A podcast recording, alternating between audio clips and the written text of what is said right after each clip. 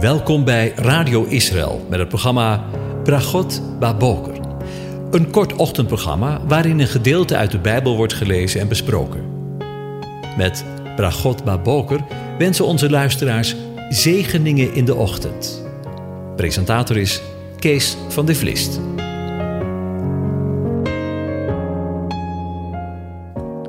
Goedemorgen, luisteraars.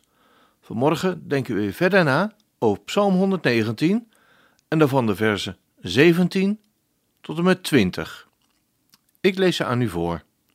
Wees goed voor uw dienaar, dan zal ik leven en uw woord in acht nemen. Ontsluit mijn ogen en laat mij aanschouwen de wonderen van uw wet. Ik ben een vreemdeling op de aarde, verberg uw geboden niet voor mij.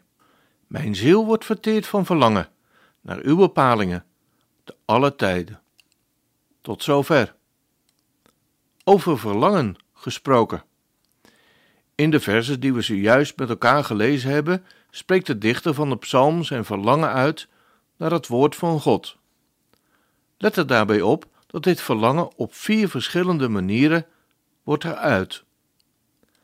Hij verlangt er in vers 13 naar om het woord in acht te nemen. In vers 14 verlangt hij ernaar om de wonderen van de wet, Gods Torah, te zien. In vers 15 bidt hij de Heere om zijn geboden, niet voor hen te verbergen. En in vers 16 spreekt hij over het verlangen naar Gods bepalingen. Vier begrippen dus: zijn woord, zijn wet, zijn geboden en zijn bepalingen. In gesprekken tussen christenen merk ik nogal eens dat er tussen deze begrippen een haast onoverbrugbare grens wordt getrokken. Alsof het woord van God een totaal andere inhoud en strekking heeft dan Gods Torah, geboden en bepalingen. Maar het woord van God is één, één geheel.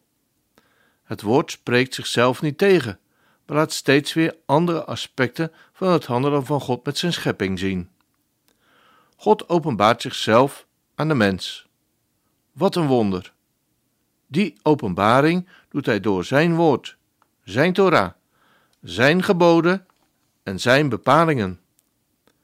Tja, en dan komen we bij de inhoud van de verse, waarin de dichter zijn bijna niet in woorden te vatten verlangen uitspreekt om de Heere, Yahweh, beter te leren kennen. Zijn verlangen dat God zichzelf aan hem zal laten zien. Hij smeekt als het ware God om goed voor hem te zijn, of zoals het Hebreeuwse woord zegt, mild voor hem te zijn, goede gedachten over hem te hebben, zodat hij zal leven overeenkomstig zijn woord. In het daaropvolgende vers bidt hij om geopende ogen om Gods wonderen te zien. Even een vraag tussendoor. Overkomt het ook jou wel eens dat je soms een tekst misschien al honderd keer gelezen hebt en dan weer eens leest en dat dan ineens de betekenis van de tekst voor je gaat leven? Als het ware dat het licht aangaat en je ogen geopend worden en de inhoud van de tekst tot je doordringt? Tot in het binnenste van je ziel?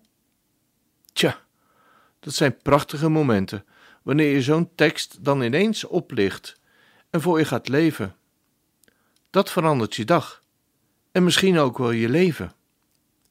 Iets daarvan moet de dichter van de psalm misschien wel bedoeld hebben in zijn verlangen naar de woorden: Ontsluit mijn ogen en laat mij aanschouwen de wonderen van uw wet. In het daaropvolgende vers spreekt de dichter van de psalm zich erover uit dat hij naar meer van dit soort momenten verlangt. Verberg uw geboden niet voor mij. Met andere woorden, laat mijn ogen altijd voor uw woord geopend zijn. Ken jij dat ook? Dat je soms hunkert om meer van God te leren kennen, Hem beter te leren kennen, juist omdat je soms zo ervaart dat Zijn woord gesloten voor je is? Heere, open mijn ogen, opdat ik u zien mag. Heb jij dat ook soms? Dat je het gevoel hebt dat je een vreemdeling in je aarde bent en dat je hunkert naar een teken van Gods aanwezigheid in je leven? Zoals de dichter het misschien wel verwoordt. Mijn ziel wordt verteerd van verlangen naar uw bepalingen, te alle tijd. De woorden die we hier lezen hebben in eerste instantie betrekking op een vreemdeling, die hier in het Hebreeuws Ger wordt genoemd en zich in het land van Israël bevindt. Een vreemdeling.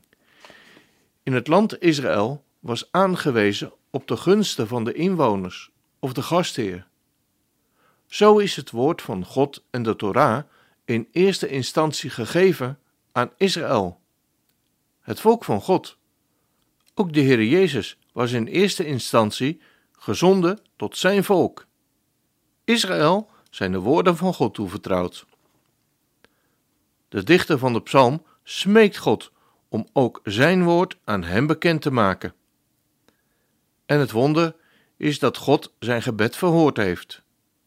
Ook het gebed van de dichter in deze psalm, want het volk dat in duisternis wandelde, heeft een groot licht gezien. Gods woord is tot jou en mij gekomen. Wat geweldig! Wat een wonder! Wat een genade! Laten we ons daarom ernaar uitstrekken om Hem meer en meer te leren kennen en mee te midden met de dichter van de psalm. Mijn ziel wordt verteerd van verlangen naar uw bepalingen, te alle tijd. Ik wens u een van God gezegende dag toe.